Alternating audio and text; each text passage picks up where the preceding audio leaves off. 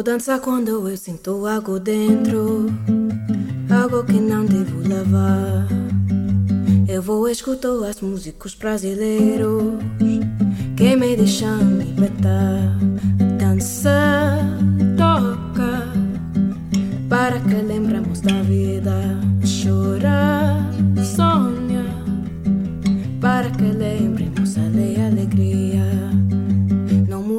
Bos días, boas tardes ou boas noites dende o recuncho de Arquitecturas en Fronteiras, no segundo andar da Escola de Arquitectura de A Coruña. Estás a escoitar o episodio 31 de Habitando, un podcast, un falangullo, do Grupo de Educación de Arquitecturas en Fronteiras Galicia. Comenzou o curso 2019-2020, pero na Escola de Arquitectura aínda quedaba algún floco do ano pasado, a defensa de traballos fin de grau ou proxectos fin de máster na súa convocatoria de setembro. Un deles, sobre habitabilidade básica, será o protagonista deste episodio. Mais antes deste prato forte, a lectura do manifesto que a coordinadora estatal de ONGDs redactou a raíz das movilizacións a última semana de setembro e que rematou o Benres 27 cunha folga mundial polo clima. Manifesto suscrito por Arquitecturas en Fronteiras. Para que lembramos da vida, chora e sonha. Para que lembremos, para que lembremos, para que lembremos, ale, ale, ale, ale, para que lembremos, ale, alegría.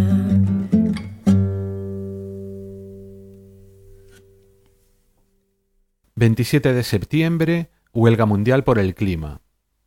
Los recientes informes sobre el estado de la biodiversidad de la Plataforma Intergubernamental de Biodiversidad y Servicios Ecosistémicos y sobre el calentamiento global de 1,5 grados centígrados del Grupo Intergubernamental de Expertos sobre el Cambio Climático alertan de un rumbo que lleva al deterioro de un gran número de ecosistemas, tanto terrestres como marinos, así como a la extinción de un millón de especies que se encuentran gravemente amenazadas por la actividad humana.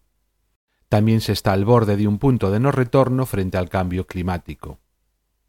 Una crisis climática que es consecuencia de un modelo de producción y consumo que ha demostrado ser inapropiado para satisfacer las necesidades de muchas personas, que pone en riesgo nuestra supervivencia e impacta de manera injusta especialmente a las poblaciones más pobres y vulnerables del mundo.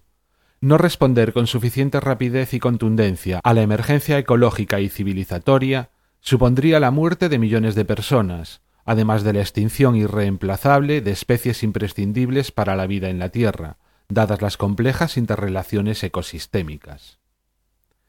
La contundencia de los datos señala cómo las regiones mediterráneas son de las más vulnerables al cambio climático, de forma que no limitar la temperatura global en 1,5 grados será una factura demasiado cara para las generaciones presentes y futuras.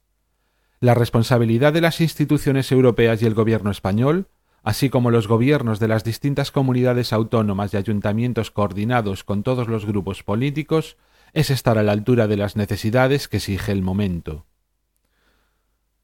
Las organizaciones firmantes piden que en la nueva etapa política se declare, de manera inmediata, la emergencia climática y se tomen las medidas concretas necesarias para reducir rápidamente a cero neto las emisiones de gases de efecto invernadero, en línea con lo establecido por la ciencia y bajo criterios de justicia climática. Evitar que la temperatura global se eleve por encima de 1,5 grados centígrados debe ser una prioridad de la humanidad. Es necesario reducir con carácter urgente las emisiones de CO2, reajustando la huella ecológica a la biocapacidad del planeta. Lograr estos objetivos requiere necesariamente de verdad, asumir la urgencia de la situación actual admitiendo el diagnóstico, indicaciones y sendas de reducción reflejadas en el último informe sobre 1,5 grados centígrados avalado por la comunidad científica. Reconocer la brecha de carbono existente entre los compromisos españoles y las indicaciones científicas. Los medios de comunicación tienen un papel fundamental para transmitir esa realidad. Compromiso. Declarar la emergencia climática a través de asumir compromisos políticos reales y vinculantes, mucho más ambiciosos que los actuales, con la consiguiente asignación de recursos para hacer frente a esta crisis. Garantizar reducciones de gases de efecto invernadero en línea con el informe del Grupo Intergubernamental de Expertos sobre el Cambio Climático, para no superar un aumento de temperatura global de 1,5 grados centígrados, establece una senda de reducción de emisiones global entre el 40 al 60% para 2030 respecto a 2010. Además, es imprescindible detener la pérdida de la biodiversidad para evitar un colapso de todos los sistemas naturales, incluido el humano. Acción. Abandonar los combustibles fósiles, apostar por una energía 100% renovable y reducir de manera urgente y prioritaria a cero las emisiones netas de carbono lo antes posible. Demandamos que los gobiernos analicen cómo lograr este objetivo y propongan los planes de actuación necesarios, frenen nuevas infraestructuras fósiles, centrales, exploraciones, grandes puertos, etc. Reducción de los niveles de consumo de materiales, energía y de las necesidades de movilidad. Cambio de modelo energético sin falsas soluciones como la energía nuclear. Reorganización del sistema de producción. Educación, además de otras medidas contundentes.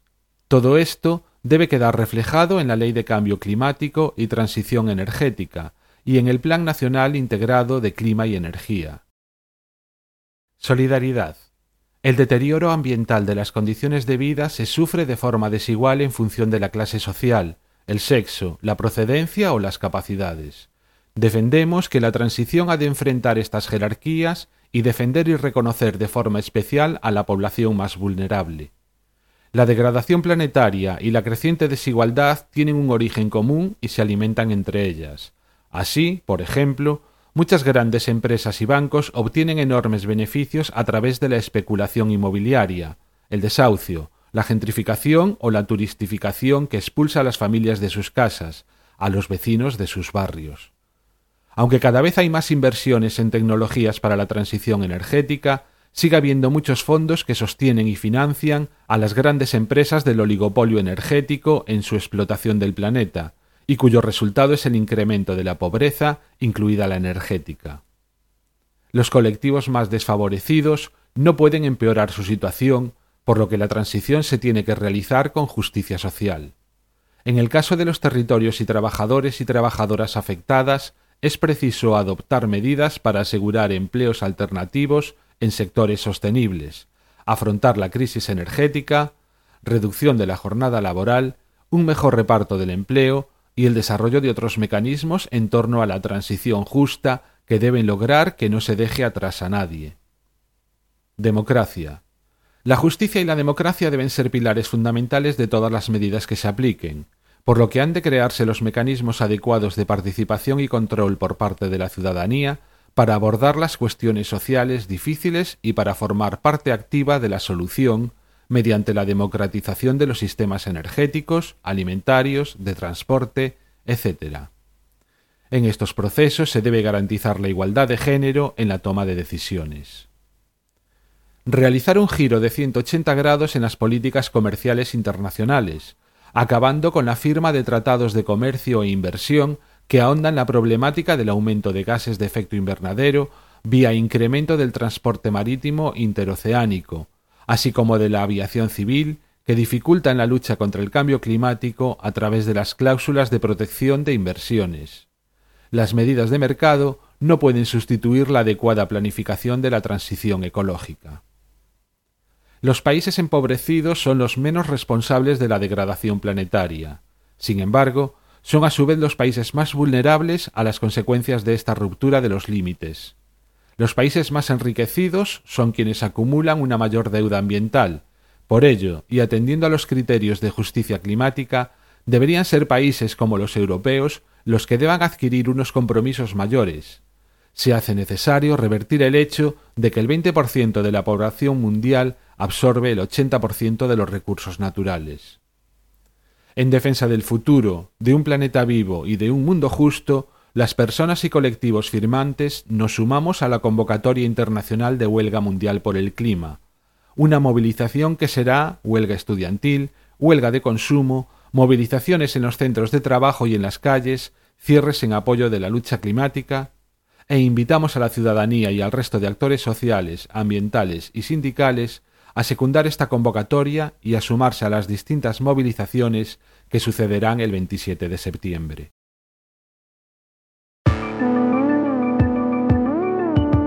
El 18 de octubre de 2019 se cumplen 15 años de la publicación del primer podcast en español. 15 años de un universo sonoro apasionante, que nos proporciona compañía, entretenimiento, que nos informa, nos enseña, nos hace disfrutar en cualquier momento y lugar. Únete a esta celebración con el hashtag Día del Podcast, ayudando a difundir qué es un podcast a quien no lo conozca y a compartir tus programas favoritos. Visita www.diadelpodcast.com si quieres más información sobre cómo participar o si quieres saber más sobre el podcast y el podcasting. Soy Robert y yo escucho podcast. Únete al enjambre. A Escola de Arquitectura da Universidade da Coruña ofertou o pasado curso 2018-2019 para a realización do traballo fin de grau ou traballo fin de máster, un tema a proposta de Arquitecturas en Fronteiras, nada máis e nada menos que a construción dunha escola nunha das comunidades coas que Arquitecturas en Fronteiras está a traballar dende hai 20 anos. Foi eh, esta a segunda ocasión na que a ETSAC ofertou un tema de habitabilidade básica para este último traballo da carreira. Hai xa nove anos, eh, no curso 2009-2010, Un dos temas do proxecto Fin de Carreira foi a ordenación completa do asentamento da comunidade de María del Mar, unha chea de equipamentos e tamén eh, as unidades habitacionais para 71 familias que a conforman. Nesta ocasión, o lugar de traballo escollido foi a comunidade El Manchón, ubicada, como María do Mar, no departamento de Retaluleu, na costa sur de Guatemala. A proposta consistía en proxectar un centro de educación para preprimaria e primaria xunto cos seus espazos deportivos e tamén de recreo. Este tema é froito do traballo de identificación que durante varios anos desenvolveron varias estudantes durante as súas estadías PCR, proxectos de coñecemento da realidade, ali en Guatemala. Contamos neste episodio coas voces de varias destas alumnas e unha das profesoras encargadas do taller no que se desenvolveron eh, estes traballos aínda que non pola orde en que se gravaron, a continuación tres entrevistas, comenzando pola que fixemos a Amparo Casares, profesora de proxectos da Escola de Arquitectura de A Coruña. Moi bo día, Amparo. Moitas grazas por achegarte aquí a Habitando a este programa que vamos a dedicar precisamente a un proxecto no que a Escola de Arquitectura da que ti es profesora, es profesora de proxectos e tamén es subdirectora agora mesmo, pois estás implicada. E xa che digo, moitas grazas por achegarte a Habitando. Gracias, Juan, por invitarme, por supuesto. Para empezar, a maioría dos nosos ouvintes supoño que xa o saberán, pero que é isto dun proxecto fin de máster ou proxecto fin de grau? Que, que o que é e que implica? Pois é o proxecto que che dá a competencia profesional é o remate da carreira é un proxecto que implica unha certa dificultade alta, tanto no, no tema e na complexidade do seu uso como no, no aspecto técnico. Unha vez que este proxecto se supera, as persoas que ten esa condición son arquitectos reconocidos polo Estado español. Uh -huh. E xusto neste curso pasado, no 2018-2019, un dos temas que propuxestes ao alumnado para este TFM TFG foi un proxecto de habitabilidade básica. E a máis un proxecto que, digamos, eh, foi proposto por Arquitecturas en Fronteiras. Que vos levou a decir que sí a, a un proxecto de habitabilidade básica dentro da carreira de arquitectura? Bueno, non cabe duda que é unha das cousas máis interesantes que se pode facer como arquitecto, e por suposto, como arquitecta. Tamén neste caso, creo que ten que ver ca relación estreita e boa que temos cos arquitectos sin fronteiras, e tamén xa tiñamos unha experiencia previa no ano 2009 que resultara, creo que moi, moi, moi, moi, moi enriquecedora para a escola. Co cal, estamos desexando que a Arquitectura sin Fronteiras tenga propostas para telas en conta. Uh -huh. Total, que non había forma de decirles que non. Tamén eh, concurreu que tiñamos cercanía cun proxecto de coñecemento da realidade de unhas alumnas desta de escola que iban a Guatemala no verao, creo que, non? Sí, máis ou menos nesta, nesta época do ano, non? Época. A partir de setembro, outubro, por aí. Eh, bueno, pois a verdade é que elas estaban moi ilusionadas en tomar, digamos, todos os datos que farían falta despois para propoñer o, o proxecto e eh, eh a verdade é que estivemos a traballar dous anos antes de que se propusera o proxecto. A documentación necesaria é eh, abundante e eh, dificultosa. Eh, conseguírona, eh, proctoráronse con moitísima señorosidade e eh, creo que resultou unha experiencia fantástica. Que dificultades atoparon os estudantes e mesmo tamén vos como profesores? Bueno, pois o descoñecemento evidente da realidade de Dalí en todos os sentidos, desde os climáticos, sociais, estruturais, é un tema distintísimo a todos os que se propón habitualmente. Eso non claro, crea unha dificultade, pero eh, a verdade é que sempre contamos co apoio de Arquitectura sin Fronteiras non só para a toma de datos inicial, senón que durante o propio desenrolo do tema tivemos xente que estaba a traballar ali, que viña a contar as experiencias e exactamente con xente que estaba a facer unha escola tal como a que propoñamos nos no Manchón. E isto, bueno, pues, evidentemente añadaba moitísimo o camiño e as dificultades que podíamos atopar. Uh -huh. E as aprendizaxes? Eh, lle contaba así a todo o mundo como preguntaba a dificultade tremenda que supón poñer a cabeza noutro sitio. Só eso xa é un antes e un despois. E despois, bueno, adelántome un pouco en valorar a cousa, pero quizá resultou máis fácil facelo no propiamente técnico, asumir as distintas solucións, estrategias arquitectónicas do que debe ser construído, do que debe ser unha estrutura allí, e non tanto así no social.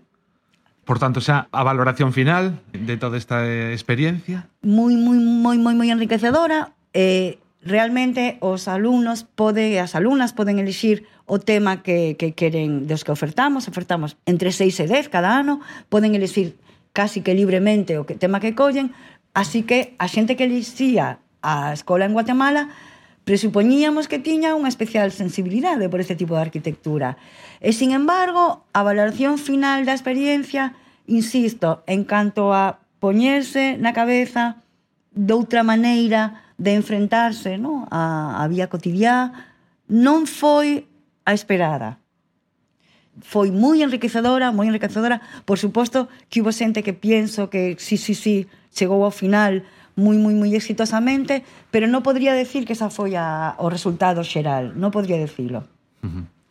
Bueno, en todo caso, unha experiencia a repetir, supoño. Absolutamente, por suposto. Esperando estamos o seguinte tema. moi ben, pois pues moitísimas gracias, Amparo. Ata loguiño. A ti, Juan. Deixo vos agora coa miña compañeira Lucía Cernuda, que tivo o prazer de entrevistar a tres destas alumnas que pasaron o pasado curso traballando neste proxecto de habitabilidade básica. Para falar desta experiencia temos agora mesmo conosco a tres alumnas que escolleron este tema. E se todos sae ben, tamén unha entrevista con outra alumna que se atopa agora mesmo ali en Guatemala. E aquí están benvidas a Ana, a Antía e a Irene. Moitas gracias por estar con nos. Hola. Hola.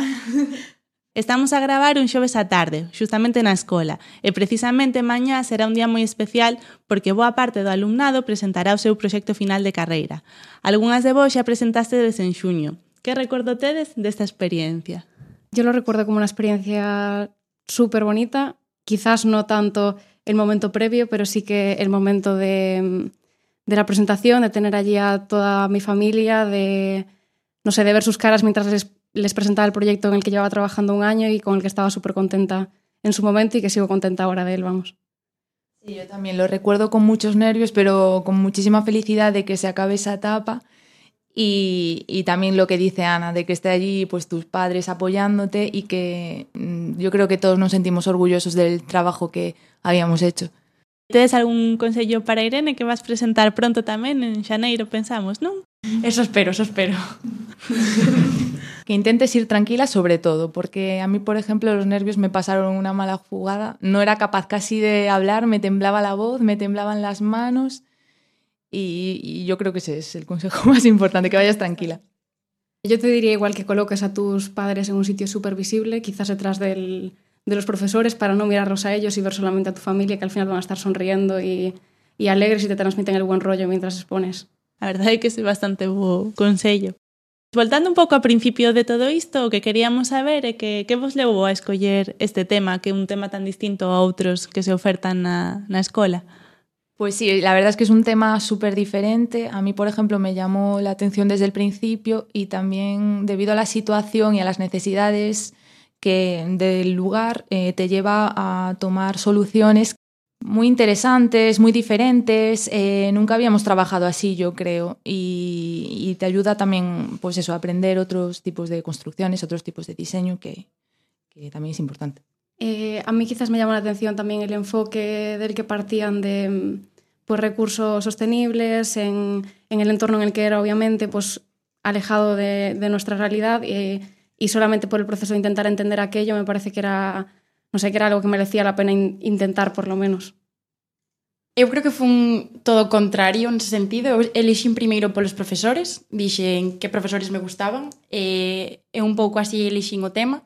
E despois vime metida nun tema que realmente me empezou a gustar moito, que non sei se é bo ou malo porque aquí sigo, pero, pero sí que é un tema que me fixo dar conta de que a arquitectura sirve para facer algo bo nese sentido. Non só facemos palacios, non só facemos xuzgados, facemos cousas que a xente pode, pode aproveitar e podese, non sei, vivir de eso tamén. É super, super importante, super bonito e algo que a nosa carreira pois pode aportar socialmente. Que ben, si, sí, como aportar un enfoque máis social un pouco a, a construción. Vale, entón, bueno, agora de enfrentarvos a este proxecto, normalmente todas temos unha forma de, de traballar, de ter unha metodoloxía. Puido ser similar a que abordaches este proxecto a outras cousas que xa facíades ou era algo diferente? A ver, o feito de que sexa un PFC tamén creo que era difícil de levar, ou polo menos para min, porque en ese sentido a escola en sí non nos ensina a facer traballos de, de principio a fin. Non sei se esta escola ou todas as escolas, porque a experiencia que teño é desta, pero o feito de que teñamos que facer eso, un proxecto no que a construcción, a estructura, o urbanismo e as instalacións sexan as mesmas que o proxecto que ti proxectaches, eso é super importante, que ata ahora non funcionaba, ou polo menos non funcionou nas miñas clases, non? Ti facías un proxecto e despois entregabas outro para estructuras, entregabas outro... E a importancia de ver que na vida real esas cousas non pasan, na vida real como un PFC nese, neste sentido, ti empezas proxectando algo, a estructura ten que estar proxectada máis ou menos dende principio, máis ou menos todo se ten que ir bebendo unhas cousas doutras, e considero pois iso que é moi bo porque vai ensinar o que en realidade si sí é a vida, pero moi difícil, ou polo menos a mí me foi moi difícil precisamente por eso, porque me veía que non sabía facelo, non? Que, que sola non era capaz. Pero bueno, que pouco a pouco fase e que eso é a realidade e que estou orgullosa de, pois, pues, de ter elegido este tema, por suposto. Yo creo que intenté desde al principio olvidarme un poco de, bueno, al principio y creo que al final fue lo que acabó marcando el proyecto, olvidarme como un poco de la forma o lo que quería conseguir al final, e intentar ir quemando etapas poco a poco. O sea, fue como en un principio pues empezar a leer pues el PFC de, Alberto o el PFC de, de, gente que venía de antes o incluso pues toda la documentación que aportó ASFE y todo esto, intentar evadirme de lo que al final se nos pedía hasta, hasta que llegó el momento en el que pues eh, empecé a ver el programa y a partir del programa fui llegando un poco a la forma. O sea, a mí lo que más me gustó de este proyecto fue que por primera vez en toda la carrera conseguí ese proceso que a mí me, que ahora considero que es el que me gusta y que es el que mm, como el que quiero seguir en un futuro, que es no pensar de primeras en la forma, en el resultado, en las no sé, en, en todas estas cosas, sino sino que al final, no sé, como, como, que unas cosas me fueron llevando a otras. También considero que tuve mucha suerte, porque al final todo fue tejiéndose poco a poco y hilándose, pero, pero no sé, me, me parece que ese fue el proceso de mi proyecto. eu que estive na sorte de ver o, a defensa de Ana do fin de carreira, como que lle deches moita importancia tamén ao tema de traballo de investigación, non? Como que dedicaches moito ao tema educativo, e un pouco a, eso era algo novo que tratabas nos proxectos antes ou foi unha... Sí, o sea, foi a primeira vez que lo hice porque justo venía del año anterior que había empezado otro, otro PFC distinto y lo había intentado empezar de esa misma manera, de la manera de investigar tal, y al final no había llegado a nada. Y en este fue como que me planteé lo mismo otra vez, intentando pues dar, o sea, intentando decirme que, que sí que se puede conseguir, investigar primero un poco, tener como unas ideas marcadas y que luego eso se formalice en, en algo, en, una, bueno, en un proyecto. Y sí, me dediqué bastante tiempo a esa parte de, de buscar pues, referencias tanto en educación como en desarrollo, bueno, no sé, todas estas palabras así un poco que se descontrolan, pero sí, fue, fue eso al principio, sí. Bueno, yo creo que un poco el proceso de todos empezó con el famoso análisis, que estuvo muy bien porque nos lo mandaron a hacer entre todos, entonces cada uno se centró en una parte, eh, pues unos en la vegetación, otros en, en la cartografía, en limpiarla, bueno. Entonces al final teníamos un conocimiento bastante decente y grande del lugar y a partir de ahí empezamos, bueno, hablo en general porque yo creo que al principio todos empezamos igual, con referencias, eh, las primeras ideas, entonces en esto sí que se parece bastante a, quizás a otros proyectos que hayamos hecho. La, el principio yo creo que se parece. Y luego ya, pues cada uno cogió su camino y, sí que es verdad lo que dice Irene, que ahí creo que aprendimos por primera vez a juntar todas las asignaturas en un proyecto, la estructura, la construcción, el propio proyecto y eso yo creo que fue lo más nuevo. poder facer ese análise conxunto ao principio creo que é algo que para min cando fun a, a escoitarvos foi novo porque claro, nos, no seu momento cada un facía unha parte, ao final todos acabábamos facendo o mesmo eh, traballando individualmente, poder ver que nun taller se organizaba facer análise do principio de maneira colaborativa non sei se foi idea vosa ou pero bueno, foi, foi un acerto e por tanto felicitarvos porque creo que é moi útil e aforra un montón de traballo. Sí, incluso las primeras ideas y bocetos que teníamos todos nos mandaban eh, exponerlo delante de todos y a mí, por ejemplo, me ayudaba muchísimo coger también ideas de, del proyecto de otros compañeros, que no, no, significa copiar, sino que a lo mejor a alguien eh, se le ocurre una idea buena, tal, y dices, bueno, pues yo lo puedo reinterpretar en el mío. Entonces también nos ayudamos todos entre todos, eso estuvo muy bien. Cousas que vos pareceran radicalmente diferentes de traballar nun proxecto en Guatemala. Para empezar, a normativa, non que tanto importa que así que importa un montón porque define moitos parámetros, pero non debería ser a decisiva, claramente. Pero a normativa que, claro, ao principio non sabíamos se tiñamos que cumplila, se tiñamos que cumplir a española, se tiñamos que cumplir a Dalá, se tiñamos que inventar unha, era como, mm. non se sabía moi ben. Eh, entón, eso como que chocaba un pouco e sobre todo tamén despois a hora de materiales, a hora de elegir métodos constructivos, sí que te planteas, vou facer unha escola europea en Guatemala ou vou facer unha escola en Guatemala de Guatemala. Que eso é un pouco, pois, aí está un límite, non? Que non, non se sabe moi ben que queren os profesores tampouco. Porque, bueno, non sei se vas facer algunha pregunta do programa, pero... pero... Vale, pois é que no programa en sí, ti o programa é mm, non se entende moi ben que sexa unha escola en Guatemala. Enténdese máis ben que, pois, dixeron, vamos facer unha escola, pero vamos poñela en Guatemala. Entón, eso como que para min so como un pouco é reinterpretar o programa que, que evidentemente é un traballo dun arquitecto, pero como que costa, non? E a min eh, todo ese proceso costoume moito, pareime moito nese sentido de pensar e decir que necesita, que non necesita. E sobre o punto de vista que eu son europea, quero dicir, estou intentando facer unha escola ali guatemalteca, pero eu non o son, entón eso complícase un pouco máis, pero bueno, que entendo que... Non, pero é super interesante eso que no, nos sí. comentas. A mayores de todo lo que dice ella, que estoy súper de acuerdo. Quizás también el, pues la latitud en la que está, que es totalmente distinta a la nuestra, o sea, las condiciones climáticas que tiene son súper determinantes del proyecto y quizás aquí no tenemos ese tipo, de, o, son más propias, entonces no las, no las pensamos como así, pero, pero el tener que pensar en, en ese tipo, pues el, el, sol tan fuerte, el calor, el, pues ese tipo de condiciones climáticas que al final acaban, acabaron condicionando todos y cada uno de los proyectos de, de este PFC, o sea que me parece que, no sé, que ese era, era un condicionante muy grande y que no tuvimos a lo largo de la carrera bastante presente quizás. Sí, también aprovechar al máximo los recursos naturales que teníamos. Era un, una parcela que no tenía ni agua, ni electricidad, nada. Entonces teníamos que pensar soluciones alternativas que nos mmm, pudieran hacer cubrir las necesidades que teníamos que, que solucionar. Escoitando todas estas eh, dificultades un pouco a hora de, de a un proxecto nunha realidade tan diferente, credes vos así a nivel persoal que é viable facer un proxecto de cooperación ou habitabilidade básica nun contexto dun traballo académico como a, como a este, como un fin de grau? Yo creo que sí que es viable, creo que, pues como decías tú, ¿no? que se hizo ya dos veces en la escuela, creo que quizás se necesita hacer muchas más veces para mejorarse como el proceso al fin y al cabo y que, que también en la escuela se, entienda lo que es este proyecto, ¿no? que no es quizás un proyecto que puedas pensar de la misma manera que el resto ni tampoco corregir de la misma manera que el resto. Yo creo que es algo más colaborativo, quizás sí que mm, en, que yo echaba de menos quizás que os invitasen más a las clases de Arquitectura sin Fronteras, pues para explicarnos más cómo, cómo es aquello realmente, porque al final estás haciendo un proyecto de cooperación sin tener absolutamente ninguna idea de cómo es el sitio, por mucho que hagas unos, unos análisis iniciales, al final hay muchas condiciones que desconoces y que, que no vas a conocer, claro que no tienes oportunidad de conocer. Entonces, quizás lo plantearía futuro como algo más colaborativo, más en red, más de comunicación. Pero muy a gusto, muy bien. Claro, sí que es verdad que teníamos el problema de no conocer exactamente el lugar, entonces, bueno, no sabemos quizás si puede ser viable 100%. Tendríamos que, pues eso, ver bien la parcela, bien, bien el terreno, no sé. Pero nosotros nos hemos esforzado al máximo para que fuera un proyecto viable dentro de las condiciones que teníamos y hemos buscado soluciones para que así fuera.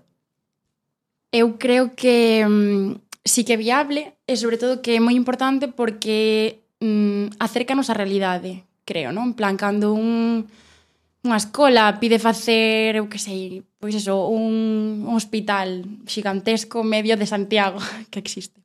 Eh, ti desligaste dese proxecto porque sabes que probablemente non se vai a facer na vida, sabes, como que non aporta o teu proxecto, non a, a humanidade, por así dicilo. Pero eu, o que penso eu en sí, cando colles un proxecto así, aínda que non se vai a facer a túa escola, nin, bueno, a nosa, non? Non se vai facer probablemente, estás aportando ideas para que calquer persona que despois vai a facer unha escola parecida, non ten por que ser xusto nese sitio, pero cerca desa latitude, por exemplo, poida coller eh, ideas e eh, está a esa disposición, eu creo que faz unha labor social nese sentido. Poder ver todos os vosos profeces sí que foi como bastante enriquecedor. Antes comentabas cousiñas do programa, hai algo do programa que sempre, bueno, falouse durante todo o proceso que foi o tema do, do patio. Queredes comentar algo do, da situación do programa, se, se vos cambiaríades cousas ou non, ou que opinades? Yo cambiaría lo de, obviamente cambiaría lo del patio. Sabemos, quizás quizás también también fue un aprendizaje el intentar cambiarlo desde el principio, o sea, buscar el bueno, lo que decías tú, no estudiar un poco el, el programa, darme cuenta de que quizás esa, esa pista deportiva allí inmensa sin ningún árbol y cubierta por una cubierta artificial enorme de grandes luces, pues a todas luces no tenía nada que ver con el entorno, o sea, pero mmm, también luego fue como un despertar cuando me dijeron radicalmente que no, y que no, porque no, y punto. El darme cuenta de que quizás en, algunas, en algunos proyectos hay ese tipo de condicionantes que son inamovibles, que son la decisión del, sí, del cliente y que no se pueden cambiar. Y entonces tienes que adaptarte, aunque tú creas que quizás no es lo correcto. E intentar adaptarlo de la mejor manera posible, o sea, buscar la mejor solución y, y lidiar con eso y ya está. O que chocábame un pouco tamén era o feito de que, bueno, antes Antía dicía que faltaba, o sea, que esa parcela non ten, por exemplo, electricidade, non ten auga, e, sin embargo, plantexámonos un programa con sala de ordenadores, pero de moitísimos metros cuadrados, eh, moitísimas aulas, que me parece estupendo, ¿no? porque é unha escola, pero como que moitas cousas que poden ser reinterpretables, que, que, que é a cuestión. Pero entendo, dicir, o arquitecto, pois eso, ten que tamén pois saber sacar ventaxas das, das cousas que non o son, o principio que non o eran, ou cousas así. E o feito tamén de estar lidiando co programa pois tamén ralentiza non esa, esa execución ou ese, ese inicio, que foi o meu caso. Pues sí, como dice Ana, la verdad que el patio fue la parte más condicionante del proyecto. Es una gran superficie que tienes que meter en esa parcela y es que te condiciona la forma, el diseño, todo. Y, era algo que nos mandaron tener en cuenta desde el principio y bueno, al final todos optamos o para echarlo a un lado o para meterlo en el medio, bueno, había para todas las opiniones. Y lo que dice Irene es que tiene toda la razón, la sala de computación a todos nos chocaba un poco que, pero si aquí no hay wifi, pero si aquí no hay electricidad y entonces, bueno, pues al final tenías que plantearlo. Pero bueno, todos nos lo replanteamos a nuestra manera, yo creo. Igual algunos lo juntaron con la biblioteca. Así que despois vos puidechedes facer aportacións e un pouco levalo a, a voso terreo. Acaban de engadirme un par de preguntas que tamén están moi ben. unha é arquitectura social, como una, un enfoque de arquitectura social como é a deste proxecto final de grau, que pensades ata que punto incorpora a perspectiva de, de xénero no, no seu contido. Yo intenté tenerla en cuenta y desde mi desconocimiento, o sea, porque era la primera vez que me enfrentaba a un proyecto pues arquitectónico desde la perspectiva de género, Mi base fue, para, fue pensar pues eso, pues en el patio, en las diferencias que hay entre niños y niñas dentro del patio, en lo que se habla ahora bastante del porcentaje de juego que utilizan pues, los niños y las niñas. Y por eso mismo también intentar re reinterpretar la pista deportiva y pensarla como una pista deportiva entera, sino como una pista de ese tamaño que en casos puntuales se pudiese usar así, pero que en otros pudiese tener pues, una parte de juegos de pelota y que hubiese pues, otro tipo de, juegos en los que todas las personas puedan sentirse representadas y jugar de, las diferentes maneras en las que todos jugamos.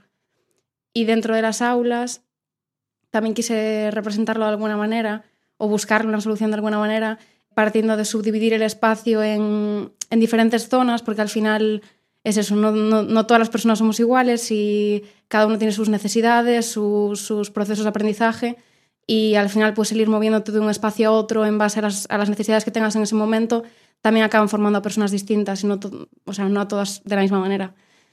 Y, y pouco más. O principio que, o sea, primeiro que fixen foi poñer Guatemala en internet a ver que pasaba ali, como estaba a sociedade e, e bueno, sobre todo axudadesme moito porque coas charlas que deron Arquitectos en Fronteiras poste en situación, ves eh, que pasa ali, non? Que non é o mesmo que está pasando aquí, claramente. É outra cultura, evidentemente non, non ten nada que ver. Pero lees cousas cousas que, non, que gustaría che non ler, pero que a realidade e que aínda que non te afecta, porque non te afecta directamente, afectache porque ahora mismo forma parte do teu proxecto. Xa hai algo que liches e, e xa o tes aquí. Entón é moi complicado, o sea, eu que sí considero que a arquitectura educa, pero é moi complicado cambiar todo eso cunha simple edificación, eh, ou eso penso eu, non? Por exemplo, eu que pretendía ou que pretendo no meu proxecto que ainda non se acabou, e ese gran espacio que se pode utilizar, pois utilizalo como moitísimas cousas, é dicir, que a escola non sexa só unha escola, senón que tamén sexa un lugar de reunión, que sexa pois un sitio onde celebrar banquetes de boda, un sitio para reunirse, un sitio onde pode ser un auditorio, por exemplo, un sitio seguro, porque o problema dali tamén é moito eso, a seguridade que non existe e as cifras que temos pois son de personas constatadas como tal, e dicir, o problema dili é que a xente non existe porque non hai un registro de xente, bueno, sábelo ti moitísimo mellor que a min. Uh -huh. Eh, nese sentido, pois eso, a escola pretende ser un lugar seguro, ou o edificio si sí, pretende ser un lugar seguro. Con a perspectiva de xénero, non sei se o que vou dicir está correcto, non? É a miña opinión, ali as mulleres están moi, oprim, moi oprimidas, non? A cultura, e nese sentido, eu creo que o mellor que podemos facer é educar tanto a mulleres para que poidan ser máis libres ou a homes e a homes para que poidan facer esas, bueno, deixar as mulleres ser máis libres. Entón, nese sentido, o que teñen que ter para min é igualdade, nes, discriminación positiva, se queremos dicilo, pero igualdade de xogos, igualdade de, de ensino, non? Nese sentido. Sí, yo creo que al final, bueno, estoy súper de acuerdo con, con Irene y, y, yo creo que todos nos esforzamos en diseñar un espacio donde todos los niños se pudieran sentir iguales en cuanto a educación, en cuanto a juegos y, y eso es lo que hemos hecho. Gustaríanos saber que qué cousas aprendiches que vos vayan valer para despois, para a vosa experiencia, un pouco despois de traballar nun proxecto como este. Yo creo que aprendimos sobre todo a aprovechar los recursos que tenemos. Eh, hicimos muchísimo hincapié sobre todo también en el tema de la ventilación. Yo en eso, la verdad, aprendí bastante cómo guiar los vientos, cómo aprovecharlos para que el sitio sea agradable, que no te haces de calor dentro, porque bueno, en Guatemala tienen temperaturas elevadas durante todo el año.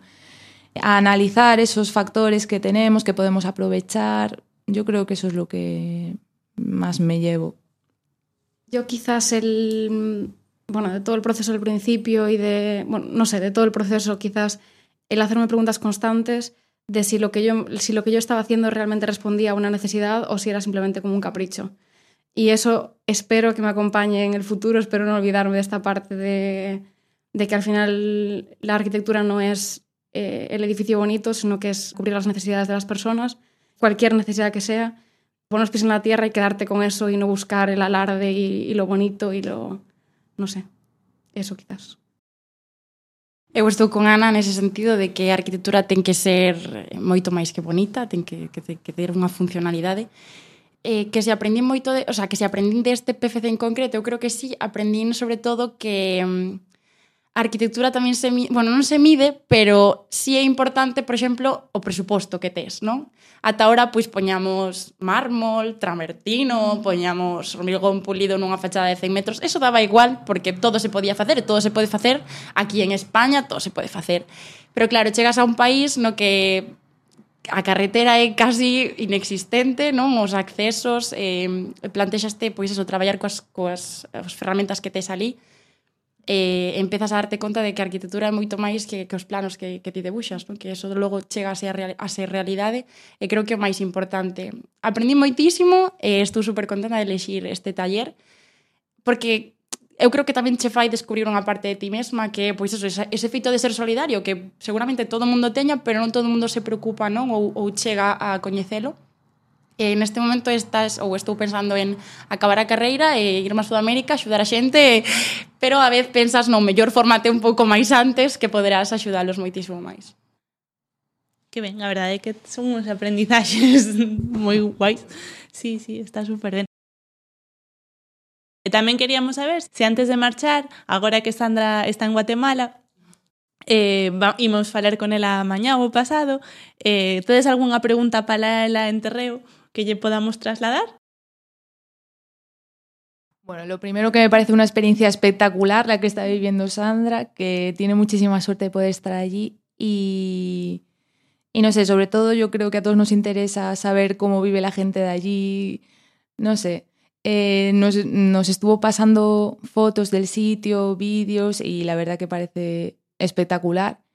Y también hemos visto fotos de la escuela que actualmente se está haciendo allí. La verdad que es un trabajazo y, no sé, no sé qué preguntas le haría, pero eso, mmm, decirle que le tengo mucha envidia.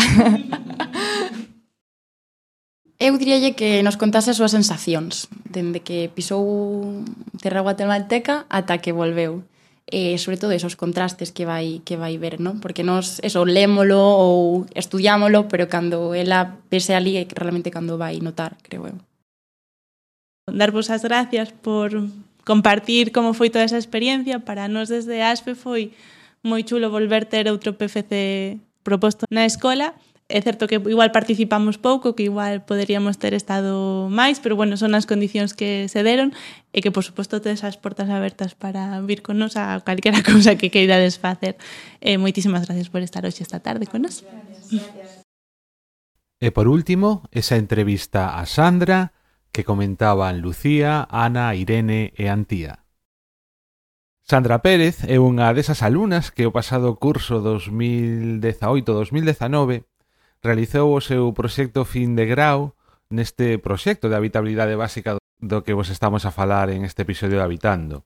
E ademais, atópase agora mesmo en Guatemala, traballando entre outras coa comunidade onde tiveron que proxectar a escola deste proxecto.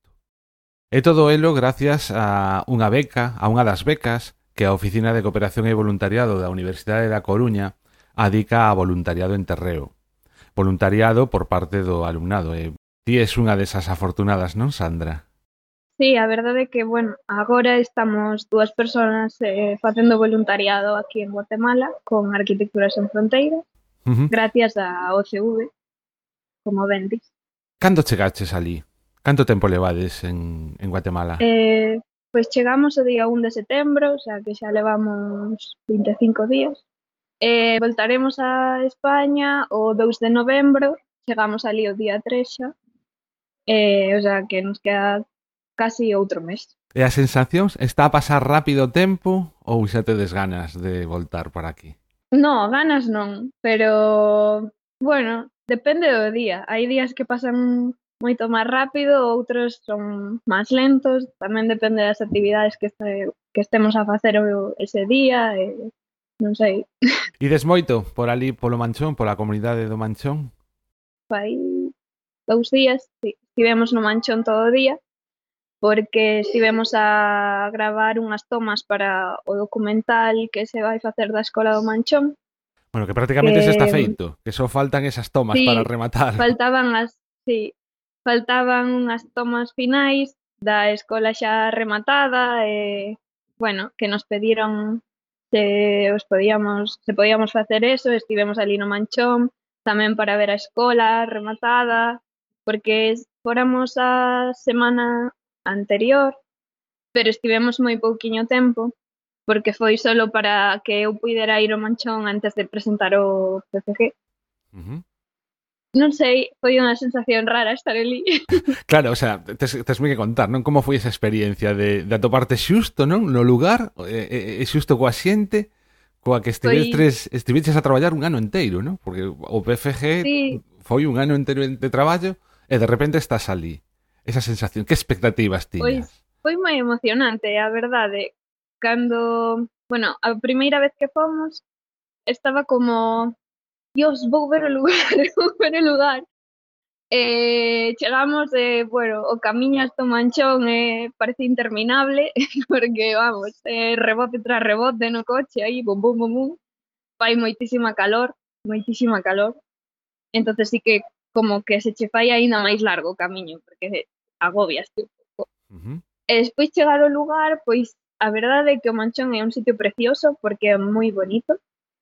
Como aínda non vimos o resto das comunidades da zona de, do sur de Retaluleu, pois non podo facer grandes comparacións, pero a verdade é que entre, entre o océano, a playa, o manglar, eh, toda a naturaleza que hai ao redor do Manchón, que, que fan del un sitio moi bonito. Eh, non sei, gustoume moito o lugar. Eh, despois había cousas que mm, sí que esperaba, que era como hai moi pouca xente para, bueno, cousas que xa sabía, pero outras que non, como, non sei, foi foi raro, foi unha experiencia extraña, porque claro, o Manchón ata agora só coñecía de velo en Google Maps. Estar ali no sitio foi impactante. Vas descubrindo cousas. O imaginabas así? cousas sí, eh, cousas que me sorprenderon, como, ostras, isto pensaba que era de outra maneira. Por exemplo, construccións que se ven dende Google Maps, que pensas que son todo vivendas, pero resulta que hai unha iglesia. Eh, encontrarme unha iglesia no manchón foi como, por que? What? Que? pois sí, teñen unha iglesia e logo teñen moitas cousas que non sabíamos, como que teñen unha especie de bar-restaurante ali onde se, bueno, para o turismo, porque sí que o Manchón ten bastante turismo, turismo da zona, da, da xente que Hai unha praia, non? Claro, e... claro. Sí que teñen uns cuartos para que foi onde nos quedamos nos a dormir tamén para alquilar e despois de repente hai un mega comedor restaurante que non estaba, o sea, que non o víramos en ningunha das fotos, nin en ningún lado, eu creo que é unha construción nova, porque incluso os compañeiros de Arquitecturas en Fronteiras que xa estiveran no manchón dixeron, ostras, isto é novo. non sei, cousas como que desentonan no lugar, porque ves que é unha población bastante pequena, que podía ser un aldeado rural en Galicia, pero de repente, como teñen praia e teñen algo de turismo, pois pues teñen un mega comedor, teñen un restaurante, uns cuartos para alquilar, está o hotel, que xa, bueno, ten unha propiedade enorme, hai un hotel ali no Manchón que ten unha propiedade bastante grande.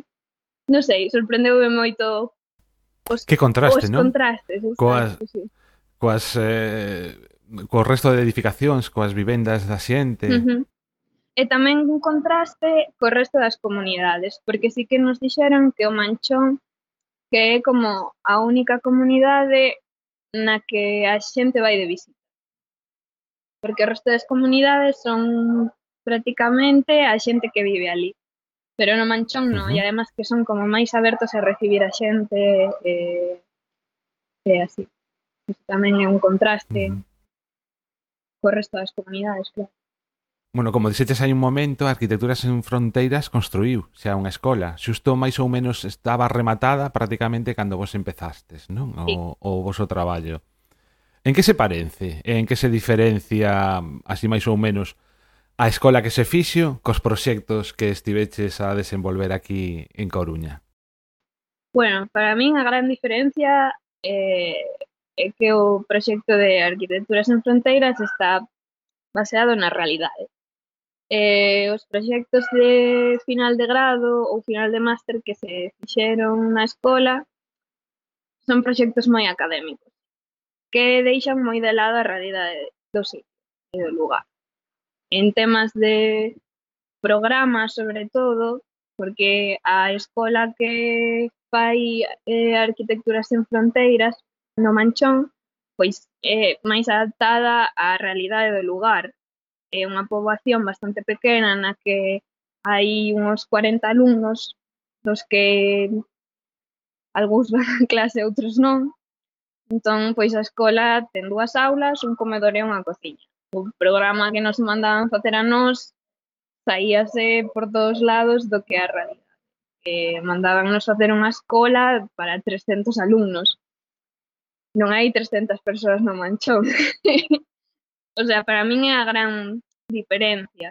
Eh, e despois, outra diferencia que pode haber é que a escola que fai Arquitecturas en Fronteiras está máis orientada a, a cooperación, a cooperación coas persoas do lugar, ao sentido de pertenencia que teñen as persoas co edificio, entón, pois, buscan sempre que a arquitectura que se fai este construída a través de medios que les teñen a través da cooperativa que les teñen para construir e eh, todas estas cousas que uh -huh. a hora de leválo a un proxecto académico foi como por exemplo, na miña experiencia na escola, a min dixeronme é que non te tes que coartar por os materiales que usen eles ali. É que se empezo con non me teño que coartar nin cos cartos que teñen que invertir nesa obra, nin cos materiales que eles teñen, por que me estou cuartando? O sea, por iso para min o proxecto académico está moi desvinculado da realidade. Entón, eu estou contenta co resultado que eu tiven, pero sí que hai esa desvinculación total ca realidade da situación. Ou polo menos para min foi así. Bueno, entón daquela, se puideses empezar de novo ese proxecto, uh -huh. cambiaría o plantexamento en algo? É que claro, a ver, eu entendo a parte, temos que facer un proxecto académico no que temos que desarrollar certas capacidades para demostrar o, o, o que estamos estudando. Eh, o aprendido ao longo sí, destes anos. Sí, o aprendido ao longo destes anos. Eh, claro, pois parece que un proxecto máis vinculado á realidade deste lugar quedase curto, non? Entón, que teño que volver a empezar o proxecto, pero sendo realista ou sendo académica? é que, claro... Non, sendo realista, sendo realista. Sendo realista, o proxecto teria que ser moito máis pequeno do que é. O sea, porque para min eso sería unha inversión de medios e eh, de diñeiro que non pode asumir a, a comunidade do Manchón na realidade se teñen que facer unha escola para 300 persoas e que non teñen esos medios para, para levar esa escola tan grande ao manchón. Está está moi sacada de contexto, na miña opinión, vai. De todas formas, bueno, pois eh, isto tratase dun proceso de aprendizaxe, eh, a experiencia, así a valoración final da experiencia de ter feito un proxecto de habitabilidade básica para o teu proxecto fin de grau, positiva, negativa? A ver, eu cando empecé co proxecto da Escola do Manchón na escola, esperaba outra cousa, a verdade. Pero sí que é certo que o considero unha experiencia positiva porque trouxeme hasta aquí.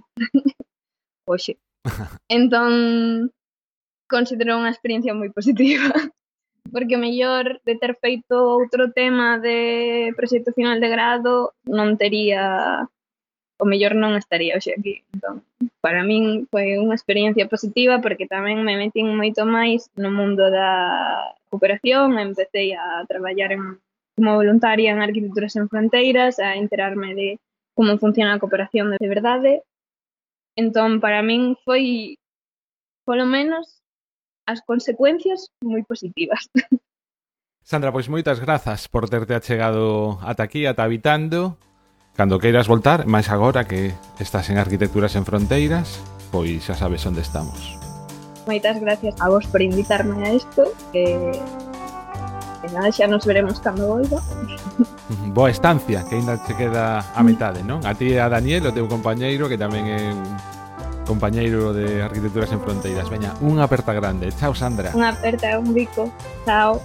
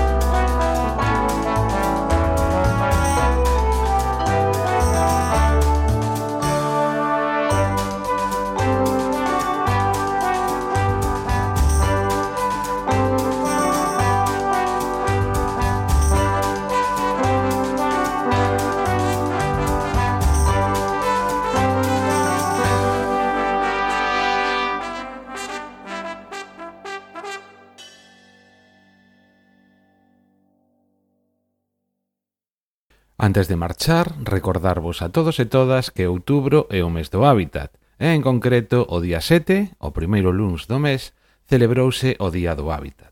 Este ano a Organización das Nacións Unidas escolleu como tema as tecnoloxías punteiras como ferramentas innovadoras para transformar os residuos en riqueza e prosperidade.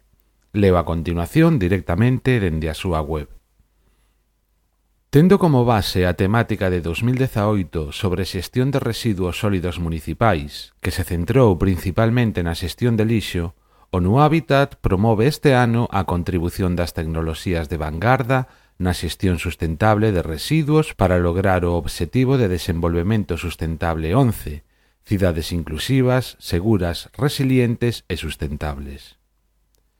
Mais aló dos refugallos sólidos, Isto inclúe todos os refugallos producidos pola actividade humana, sólidos, líquidos, domésticos, industriais e comerciais, que continúan tendo un impacto devastador no cambio climático, a saúde pública e o medio ambiente.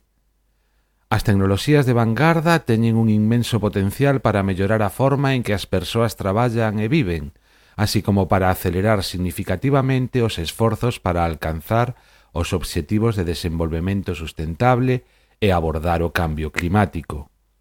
Avances tales como a automatización, a robótica, os vehículos eléctricos, as tecnoloxías de enerxía renovable, as biotecnoloxías e a inteligencia artificial posiblemente poidan transformar os ámbitos sociais, económicos e ambientais. Así, ofrecen as mellores solucións, máis baratas, rápidas, escalables e doadas de usar para os problemas cotiáns, incluída a xestión de residuos. A tarefa que temos por diante é aproveitar as tecnoloxías de vanguarda para lograr unha xestión sustentable dos residuos, á vez que se mitigan as súas posibles consecuencias económicas, sociais e políticas adversas.